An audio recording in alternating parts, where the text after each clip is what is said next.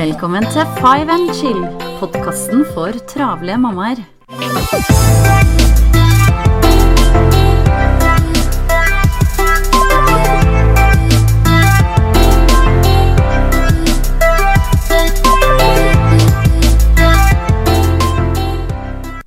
Hei og velkommen til en ny episode av Five and Chill. Janne her.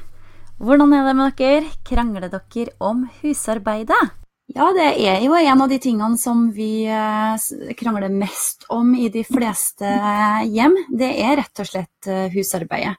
Og vi maser på ungene om å rydde opp, vi maser på mannen vår som må eh, rydde opp etter seg, han òg. Og ikke minst om at han kanskje skal bidra litt mer. og mange er jo veldig flinke til å hjelpe til, men allikevel, rotet kommer jo tilbake. Sånn at det er ikke alltid så lett å se, særlig når partneren vår har rydda. Det er sikkert, sikkert ikke alene om å, om å, ha det sånn. Eller det vil si, jeg hadde det sånn en gang i tida. Og grunnen til at det er såpass store forskjeller eh, mellom kvinner og menn. Det er faktisk forska på det her. Og det er fordi at vi kvinner reagerer mer på ting som ligger rundt oss, eh, enn det menn gjør.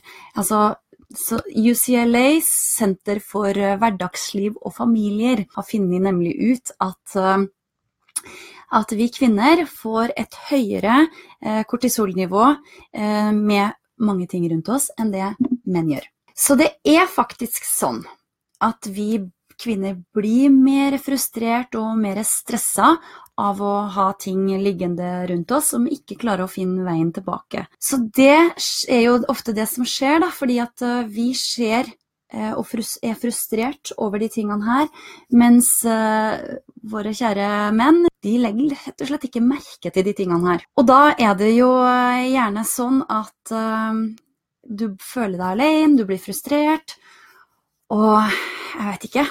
Jeg har skrevet utallige lister hvor jeg har prøvd å fordelt husarbeidet, sånn at vi skal ha ca. likt. Jeg har prøvd etter noen uker, etter det ikke har fungert, så har jeg prøvd nye lister med at det her får du, det får du, og så tar jeg det og det og det, kanskje litt mer til meg, eh, for å se om det fungerer. Eller eh, har sagt at eh, nå setter vi oss ned, begge to, og så blir vi enige om hva vi skal gjøre. Vi lager oss en liste hver. På min liste så står det jo alt av det her eh, husarbeidet, alle de tingene som eh, jeg tenker er nødvendig å gjøre i huset, sånn som klesvask, oppvaskmaskin, tømme søppel, rydde opp i gangen. Altså det er alt som står på de her listene våre.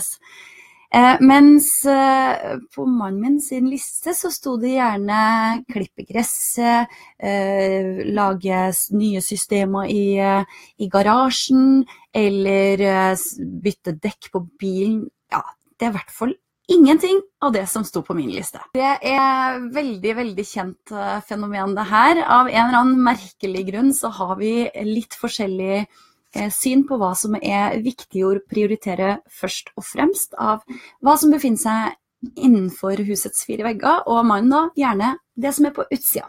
Så hvordan løser man det her? Jeg har, eh, jeg har faktisk klart å løse det. Ehm, og det første man må gjøre, er jo å gå foran eh, med et godt eksempel. Og da er det å begynne å lage seg gode systemer som fungerer for hele familien. Eh, det er klart at det er en tidkrevende prosess, men når man går foran som et godt eksempel og lager de her gode systemene, og så ser du at det blir en slags smitteeffekt for eh, de andre i familien. Jeg trodde aldri jeg skulle høre eh, mannen min si at han kjenner en indre ro når han kommer inn på vaskerommet. Fordi at det endelig fungerer. Og jeg trodde faktisk at han gjorde narr av meg første gangen, eller når han sa det. Men nei, han syns nå endelig at eh, systemene fungerer så utrolig bra at eh, han føler seg rolig innvendig. Hadde aldri trodd det, helt ærlig.